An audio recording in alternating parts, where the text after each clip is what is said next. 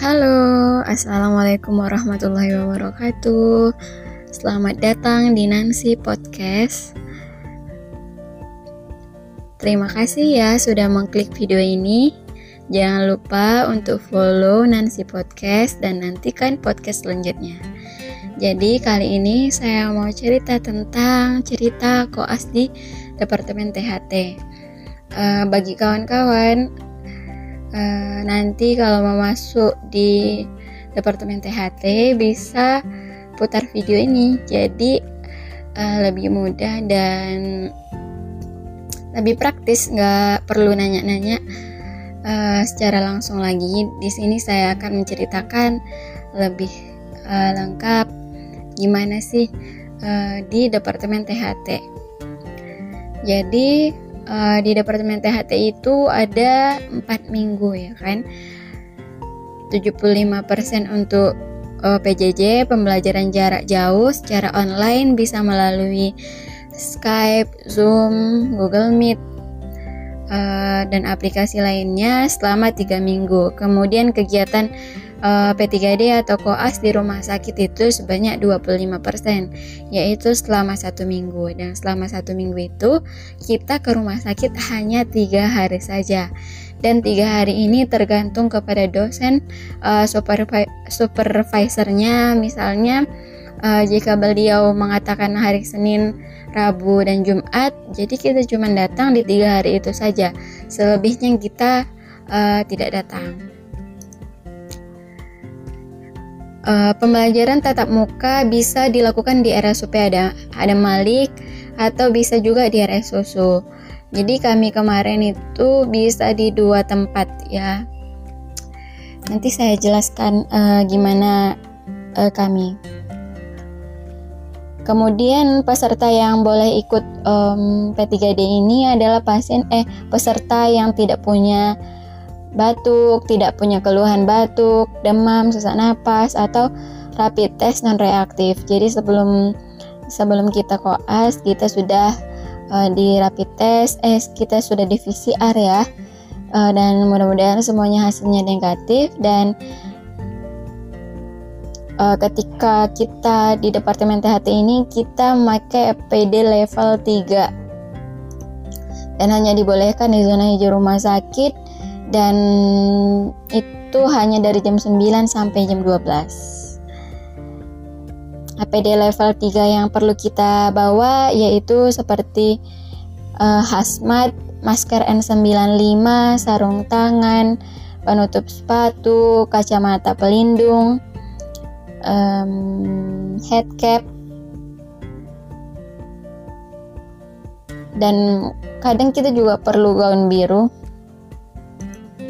dan pakai baju oka. Dan penilaian P3D ini terdiri dari nilai makalah 1, nilai persentase makalah 1, nilai makalah 2, nilai persentase makalah 2, nilai makalah 3, nilai persentase makalah 3, dan nilai status panjang. Jadi nilai akhir peserta 3D adalah jumlah dari semua komponen yang dibagi menjadi 7. Jadi mau menceritakan, aku mau ceritain gimana kami waktu di Departemen THT. Waktu di minggu pertama uh, kita akan dibagi menjadi uh, per kelompok ya. Per kelompok akan diberi PPDS masing-masing dan diberi pembimbing atau supervisornya.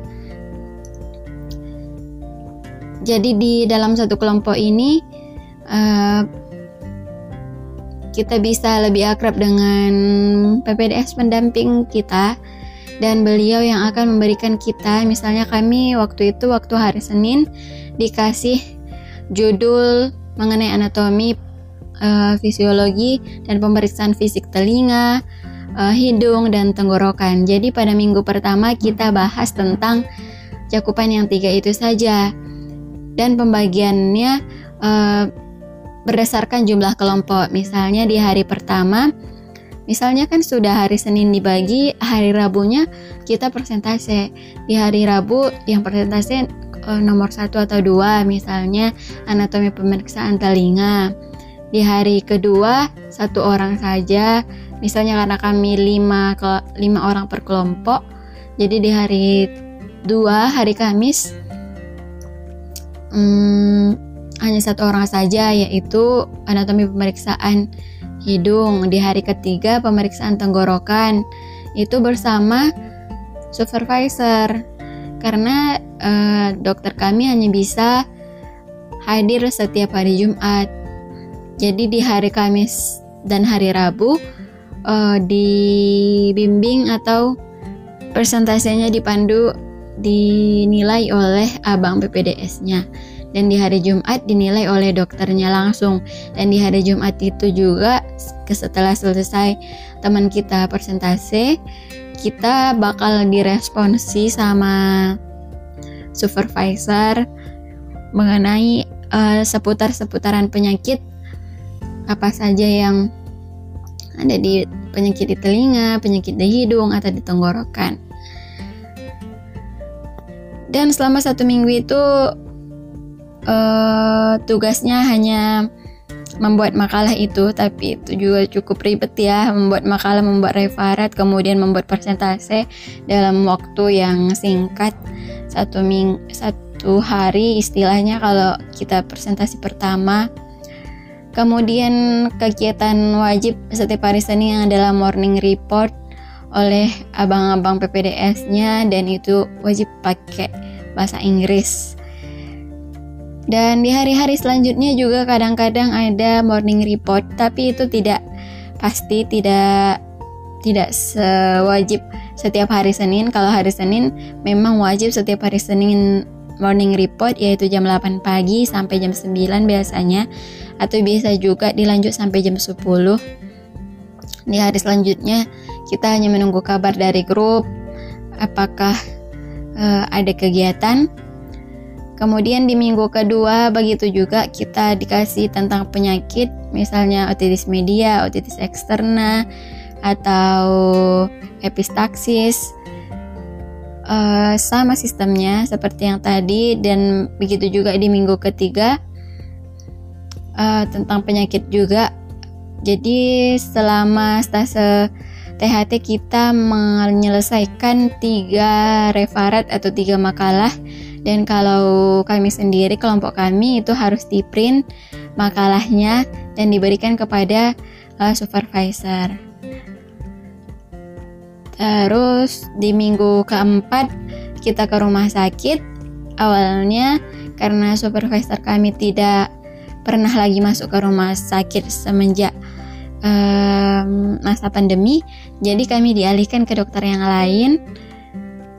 Awalnya hari pertamanya kami datang ke Resada Malik dan di situ juga kami sudah diresponsi di jam pagi sampai jam 10 dan ternyata supervisor kami bukan dokter tersebut. Jadi kami dialihkan ke rumah sakit USU dan di rumah sakit USU kami ber, bertemu dengan supervisor yang baru yang merupakan kepala departemen yang sangat baik sekali. Walaupun pada awalnya kami kena marah ya. Karena memang itu kesalahan kami juga. Uh, tiga minggu selama PJJ nggak benar-benar belajar dan pas di hari pertama di di RS kami disuruh pemeriksaan lakukan pemeriksaan telinga lakukan pemeriksaan hidung atau pemeriksaan tenggorokan step-stepnya kami step-stepnya nggak begitu memahami uh, cara memegang alatnya juga masih sangat canggung karena sudah lama sekali semenjak semester 5 ya kita belajar tentang uh, materi telinga di blok SSS atau Special Sense System.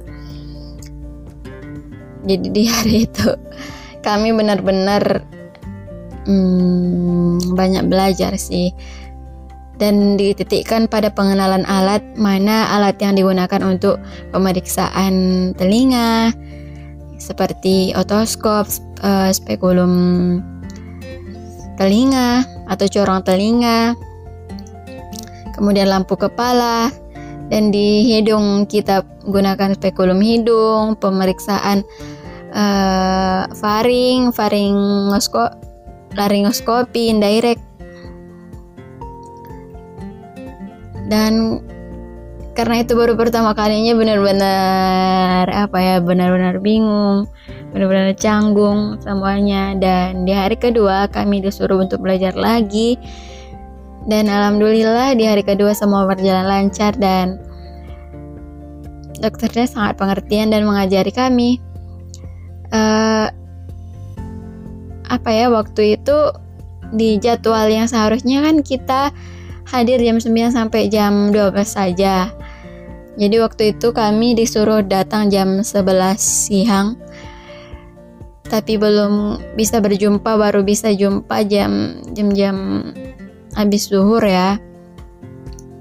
Dan itu tergantung supervisornya. Jadi kami pulang-pulang sore bersama supervisor dan dan di rumah sakit alhasil uh, hanya sepi. Jadi nggak memperbanyak kontak dengan pasien yang lain. Begitu juga ketika kami di Adam Malik ketika hari ketiga um, belajar tentang status panjang itu kami datangnya kami mulainya jam 3 dan selesainya jam 6 dan dalam kondisi puasa sangat sangat capek pastinya ya. Jadi kami nggak tiga hari kami jadi empat hari dan hari keempat hari Kamisnya kami di rumah sakit. Karena hari Rabu kemarin di rumah sakit Poli THT di rumah sakit USU tidak buka. Jadi kami datang hari Kamis dan pas banyak pasien. Di hari itu saya sangat senang sekali karena bisa langsung melihat pasien dan saya juga menjadi pasien di situ. Saya uh, saya memang ada ada sakit telinga dan diperiksa dan alhamdulillah sudah baik dan diberi gratis oleh PDS, oleh dokter di sana. Hmm. Oh ya, ada juga pertanyaan selama selama di THT uh, buku referensinya apa?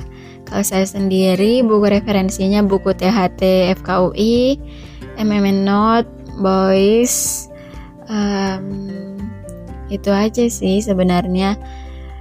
Dan kita juga disuruh buat print buku logbook. Di mana buku logbook ini uh, di situ kita akan isi kegiatan kita selama 4 minggu di THT apa saja yang ditandatangani PPDS dan supervisor. Disuruh ngeprint status panjang. Dan status panjang itu di situ kita akan isi uh, status pasien yang ada penyakit dan status pasien normal.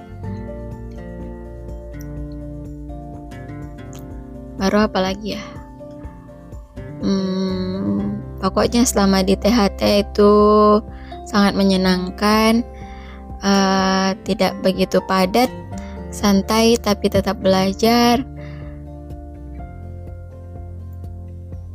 dan yang paling penting apa yang diminta dari dokter atau supervisornya kita jalankan saja mudah-mudahan uh, Departemen THT atau stasiun THT akan kita lalui dengan baik. Terima kasih semuanya. Kalau ada yang mau ditanya-tanya, boleh hubungi saya. Dari sosmed juga bisa. Dari blog juga bisa, dari mana saja. Terima kasih sudah mendengarkan. Semangat semuanya yang lagi di uh, Devi. Stasiun THT. Semoga um, koasnya dipermudah. Semua urusannya dipermudah. Dan good luck uh, do your best. Thank you. Assalamualaikum warahmatullahi wabarakatuh